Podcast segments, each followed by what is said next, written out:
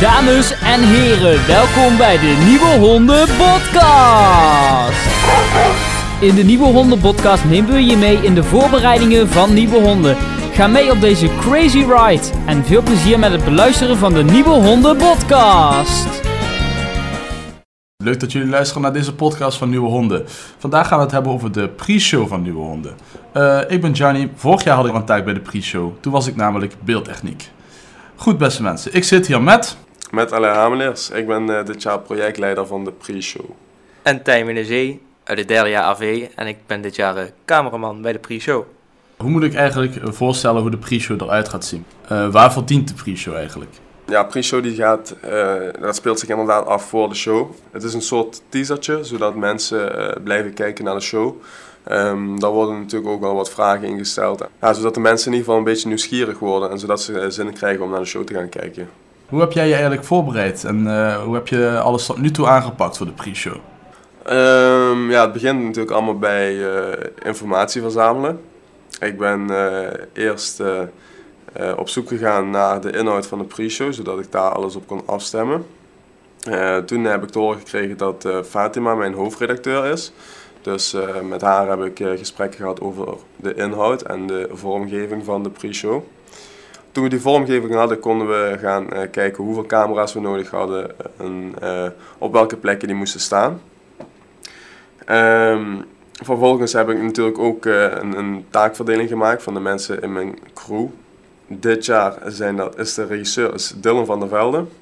Um, als regieassistent heb ik Dylan Peters. Als schakeltechnicus heb ik Stan Fase. En dan hebben we nog twee cameramannen, Juri en En de rest gaat aangevuld worden met jongens van Bravo. En hoe heb je het gedaan qua, uh, heb je vaker al geoefend? Of?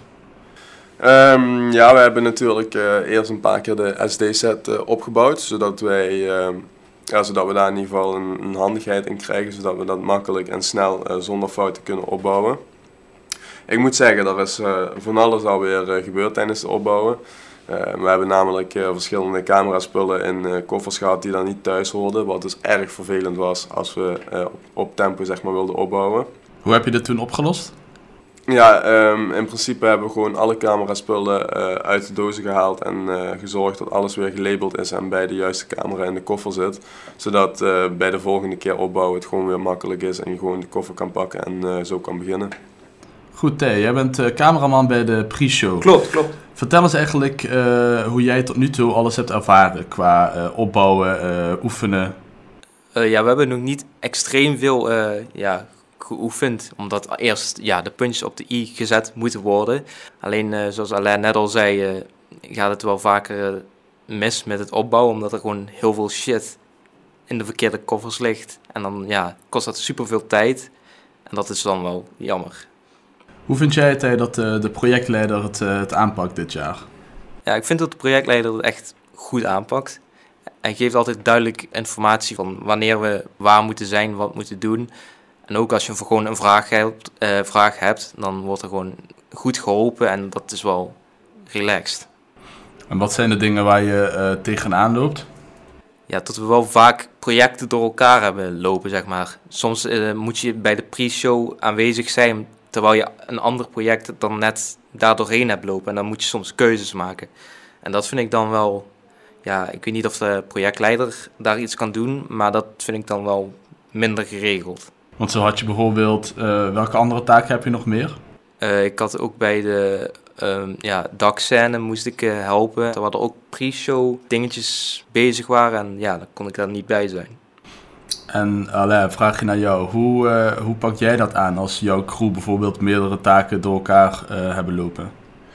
Um, nou ja, het is vooral gewoon belangrijk dat je uh, op tijd een punt aangeeft waarop je iets gaat doen, zodat mensen zelf kunnen aangeven of ze op die dag iets anders gepland hebben. Um, maar mocht het nou eenmaal zo uitkomen dat mensen iets anders gepland hebben, dan moet er gewoon gekeken worden naar wat voor hun belangrijk is om, om ja, wat voor hun prioriteit is en waar, waar het gewoon belangrijk is voor hun om bij te zijn. En heb je al eens uh, echt conflicten gehad tussen mensen, tussen meerdere projectleiders, uh, als je crew nodig had? Ehm, nee, niet per se uh, conflicten gehad, maar we hebben wel punten gehad dat we gewoon minder crew hebben gehad en dat we gewoon dingetjes gewoon zelf moesten uitvogelen. ik heb namelijk ook een aansturende taak, maar ik ben ook veel aan het uitvoeren. Maar dat is ook geen probleem voor mij hoor, maar ja, het is gewoon even, even af en toe hebben we gewoon te weinig mensen en dan heb je gewoon, ja, dan moeten gewoon een beetje de krachten verdeeld worden. En uh, heb je eigenlijk nieuwe ervaringen opgedaan? Um, ja, in principe wel. Het, het uh, leidinggeven is, uh, is best een, uh, een nieuwe taak die ik op me pak. we hebben natuurlijk wel binnen schooltijd hebben we natuurlijk kleine projectjes gehad waarvan je wel eens verkozen bent tot projectleider. En eigenlijk in principe is dat, um, ja, is dat gewoon een, een oogje in het zeil houden en gewoon zorgen voor alle informatie en that's it. Maar bij pre-show heb je gewoon ja, heel veel aspecten waar je rekening mee moet houden. Je moet communiceren met andere opleidingen over het licht en over het geluid. Met, uh, met welke andere opleiding heb je dan bijvoorbeeld te maken? Um, ja, bijvoorbeeld met uh, podiumtechniek. Zij gaan voor mij uh, het licht en het geluid regelen. Maar voordat podiumtechniek aan de slag kan, moet ik hun natuurlijk een, een opstelling geven over waar, waar de tafel komt te staan, zodat zij een, een een plan kunnen maken en uh, een analyse kunnen maken over waar er stopcontacten zijn in de buurt en waar zij hun licht op kunnen inprikken, zeg maar. Want even tussendoor, het wordt een tafelgesprek dus, de pre-show. Ja, ja pre-show wordt dit jaar een, eh, een tafelgesprek met uh, verschillende interviewtjes erin, met mensen aan de tafel. We zijn uh, ook bezig met een, een, leuke live schakeling. We willen namelijk tijdens, tijdens de pre-show willen we live schakelen naar de backstage. Ja, zodat, zodat daar inderdaad een, een, een, kort interviewtje gehouden kan worden. Zodat de mensen een, een, idee hebben hoe het backstage eraan toe gaat. Dit hebben we namelijk al een keer eerder gehad, maar dit was allemaal van tevoren opgenomen. En dat is jammer. We willen dit jaar wel echt live gaan schakelen. Wil wat jullie hebben eigenlijk over vorig jaar pre-show. Toen had ik de taak beeldtechniek. Uh, er gingen eigenlijk een aantal dingen mis tijdens de eerste avond van de show. Want er was bijvoorbeeld geen audio. Hoe ga je dit jaar dit voorkomen, Alain? Ja, het is uh, best lastig, maar ik denk als de communicatie met PT goed gehouden wordt um, en uh, er gewoon ruim van tevoren getest wordt tot deze fout niet zo nog een keer gemaakt kan worden. Dan gaan we nu bellen met de show van Kerkhoff. Vorig jaar was hij projectleider van de pre-show. We gaan hem vragen eigenlijk of hij nog tips en tricks heeft en hoe hij vorig jaar de pre-show ervaren heeft. Yo, de show met Johnny, man. Wij vroegen ons af eigenlijk hoe jij uh, vorig jaar uh, de pre-show ervaren hebt. Um, intens. Heel intens. Ja. Um, ja, voor mij was het wel een beetje um, zelf uitzoeken en hoe het allemaal terecht moest komen. Maar tegelijkertijd was het wel ook een hele leuke uitdaging. Mm -hmm. Dus dat... Uh, Zijn ja, er... ik vond het wel heel leuk. Zijn er dingen waar je tegenaan liep als projectleider? Um, ja, ik moet daar wel heel eerlijk in zijn dat ik het af en toe lastig vond om medestudenten te motiveren en een bepaalde mentaliteit in te brengen. Uh, maar dat is natuurlijk voor elke persoon ook wel een eigen ding hoe ze daarmee omgaan. Dus mm -hmm. ja. Oké. Okay. En heb je nog uh, tips en tricks voor nu de projectleider of uh, iedereen die meedoet aan de pre-show? Um, ja, vooral hoe, uh, hoe Bas het inbrengt, uh, lekker direct zijn en uh, vooral uitspreken wat je dwars ligt. Alleen zo kom je, er, kom je verder, denk ik. Allee, projectleider, wat zijn eigenlijk de verschillen tussen vorig jaar de pre-show en deze pre-show dit jaar? Want het thema is gekte, dus ik weet niet precies wat ik ervan moet verwachten. Um, ja, zoals ik al zei, we gaan dit jaar gewoon een, factor toevoegen die we vorig jaar niet gehad hebben. Dus dat wordt ook een grote uitdaging. Um, ja, maar we gaan die, die uitdaging natuurlijk met uh, beide handen aannemen. Ook hebben wij een, een, andere locatie. Aangezien wij dus een live schakeling willen naar de backstage, zullen wij de uh, regiekasten dichterbij moeten zetten. Dus die gaan op dezelfde plek staan als waar ze in 2019 gestaan hebben. En dat is naast de zijingang van het theater.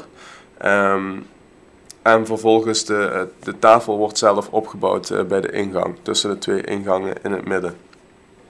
Dus ja, eigenlijk is de locatie het, het voornaamste verschil tussen de pre-show dit jaar en vorig jaar. Dus alle, alle gasten die naar Nieuwe Honden komen kijken, zien dus ook eigenlijk de hele setting van de pre-show?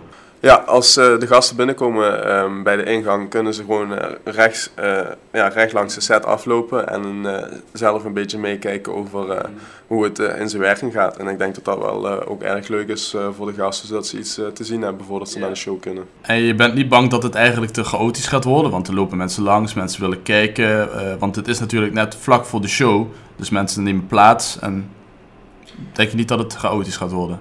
Ja, ik denk, uh, ja, tuurlijk, er zullen natuurlijk op een bepaald punt uh, veel mensen binnenlopen. Maar um, ik denk wanneer de communicatie en de looplijnen goed zijn en dan gewoon duidelijke afspraken gemaakt zijn, dat, uh, dat het probleem wel makkelijk te kantelen valt. Kun je ons nog een tipje geven over de gasten of is dat allemaal top secret? dat is op dit moment nog top secret. Beste mensen, heel erg bedankt voor het luisteren. Hierbij sluit ik de podcast af. En ik zie jullie allemaal bij Nieuwe Honden. Bedankt dat u heeft geluisterd naar deze Nieuwe Honden podcast. Vergeet ook zeker niet al onze andere afleveringen te beluisteren. En dan hoor ik u graag de volgende keer terug bij een kerstverse Nieuwe Honden podcast. Tot dan!